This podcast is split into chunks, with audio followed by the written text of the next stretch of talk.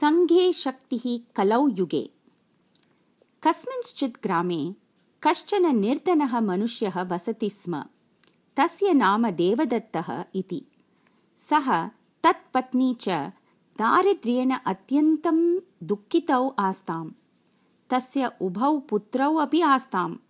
धनाभावेन सर्वे कुटुम्बजनाः महता कष्टेन दिनानि यापयन्ति स्म।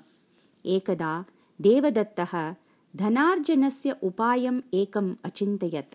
सः चिन्तितवान् लोकेऽस्मिन् धननिवेशं विना कोऽपि वाणिज्यं कर्तुं न शक्नोति। मम पार्श्वे तु धनं नास्ति अतः तस्य निवेशं कथं कर्तुं शक्नुयाम् इति। अत एव सः धनेन विना एव आजीविकायाः निमित्तं कञ्चित् उपायं चिन्तयित्वा तं पत्नीं पुत्रौ च उक्तवान्। मया सह भवन्तः अपि वनम् आगच्छन्तु नाम। तत्र वयं वृक्षाणां त्वचा रज्जुनिर्माणं करवाम। सा रज्जुः नगरे विक्रीता चेत् किञ्चित् धनं प्राप्येत। तेन धनेन जीवनं सुखेन प्रचलेत् इति। ततः ते सर्वे वनं गतवन्तः। तत्र एकस्य वृक्षस्य अधः स्थित्वा देवदत्तः रज्जुनिर्माणम् आरब्धवान्। तस्य पत्नीपुत्रौ च रज्जुनिर्माणाय विविधानि तृणानि वृक्षाणां त्वचः च सङ्गृह्य आनीतवन्तः। एवं ते सर्वे रज्जुनिर्माणकार्ये संलग्नाः अभवन्। यस्य वृक्षस्य अधः ते रज्जुनिर्माणं कुर्वन्तः आसन् तस्मिन् एव वृक्षे एकः यक्षः निवसति स्म। सः तान् स्वकार्ये दत्तचित्तान् दृष्ट्वा मनसि एव अचिन्तयत्। एते जनाः अत्र किमर्थं वा आगतवन्तः? अत्र किं च कुर्वन्ति इति। ततः सः प्रत्यक्षः भूत्वा तान् पृष्टवान्। अरे भवन्तः अत्र किं कुर्वन्ति इति।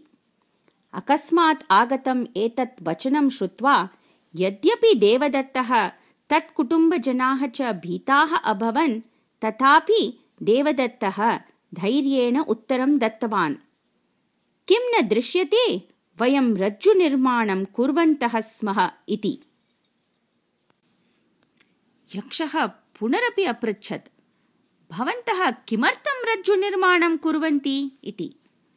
कार्यमध्ये विघ्नः उत्पन्नः इत्यतः नितरां क्रुद्धः देवदत्तः सकोपम् उच्चैः उत्तरं दत्तवान् भवतः पादयोः बन्धनाय इति। एतत् श्रुत्वा सः यक्षः भीतः अभवत्। सः अचिन्तयत् यत् एते मम पादौ बद्ध्वा मां ताडयिष्यन्ति इति। अतः सः दैन्ययुक्तेन स्वरेण देवदत्तम् उक्तवान् भोः नर भवान् मां कृपया रक्षतु। मम पादबन्धनं मा करोतु।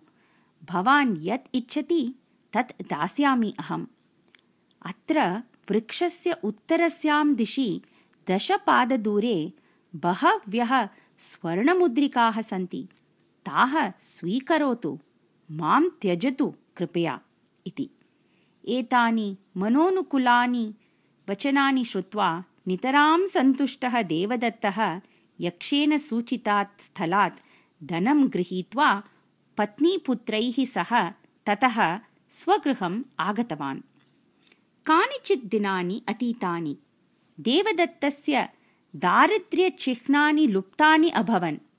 तस्य जीर्णस्य गृहस्य स्थाने नूतनस्य भवनस्य निर्माणमपि अभवत्। एकं वाहनमपि तेन क्रीतम्। एतत् सर्वं दृष्ट्वा प्रतिवेशी मेघदत्तः कदाचित् तम् अपृच्छत्। भवता किं कृतम्? अल्पे एव काले एतावत् धनं कथं प्राप्तं भवता इति।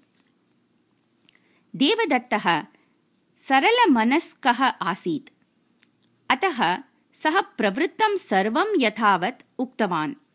एतत् श्रुत्वा मेघदत्तः अपि पत्न्या पुत्राभ्यां च सह वनं गत्वा तस्य वृक्षस्य अधः स्थित्वा स्वपत्नीं पुत्रौ च आदिष्टवान्। रज्जुनिर्माणाय तृणादिसामग्रीम् आनयन्तु इति तस्य आदेशवचनं श्रुत्वा पत्नीपुत्रौ च परस्परं मुखं दृष्टवन्तः पत्नीपुत्रौ आदिष्टवती पुत्रौ च मातरम् उक्तवन्तौ भवती एव तत् कार्यं करोतु इति तत्र स्थिताः सर्वे कार्यनिष्पादने आलस्यम् अनिच्छां च प्रदर्शयन्तः आसन् एतत् सर्वं दृष्ट्वा यक्षः तत्र उपस्थाय तान् अपृच्छत्। भवन्तः अत्र किमर्थम् आगतवन्तः? किं च कुर्वन्ति इति।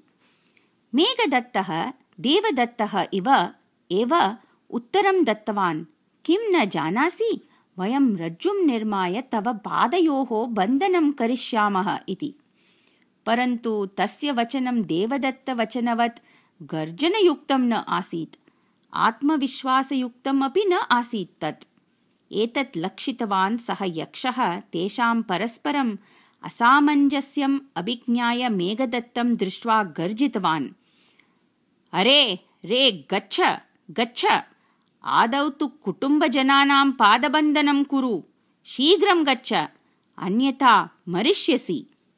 तव कुटुम्बजनाः एव तव वचनं न पालयन्ति एवं स्थिति मम पादयोः बन्धनस्य का वा कथा इति। भयजनकानि एतानि वचनानि श्रुत्वा मेघदत्तः भीतः अभवत्। तस्य पत्न्याः पुत्रयोश्च दशा तु इतोपि अधिकशोचनीया आसीत्। ते ततः शीघ्रमेव पलायनं कृत्वा कथञ्चित् गृहं प्राप्य दीर्घं श्वासोच्छ्वासं कृतवन्तः। यत्र सुमेलनं भवति तत्र बहुसम्पदा भवति। यत्र कुमेलनं भवति तत्र अनेकाः विपत्तयः भवन्ति इति यत् श्रूयते तत्तु सत्यमेव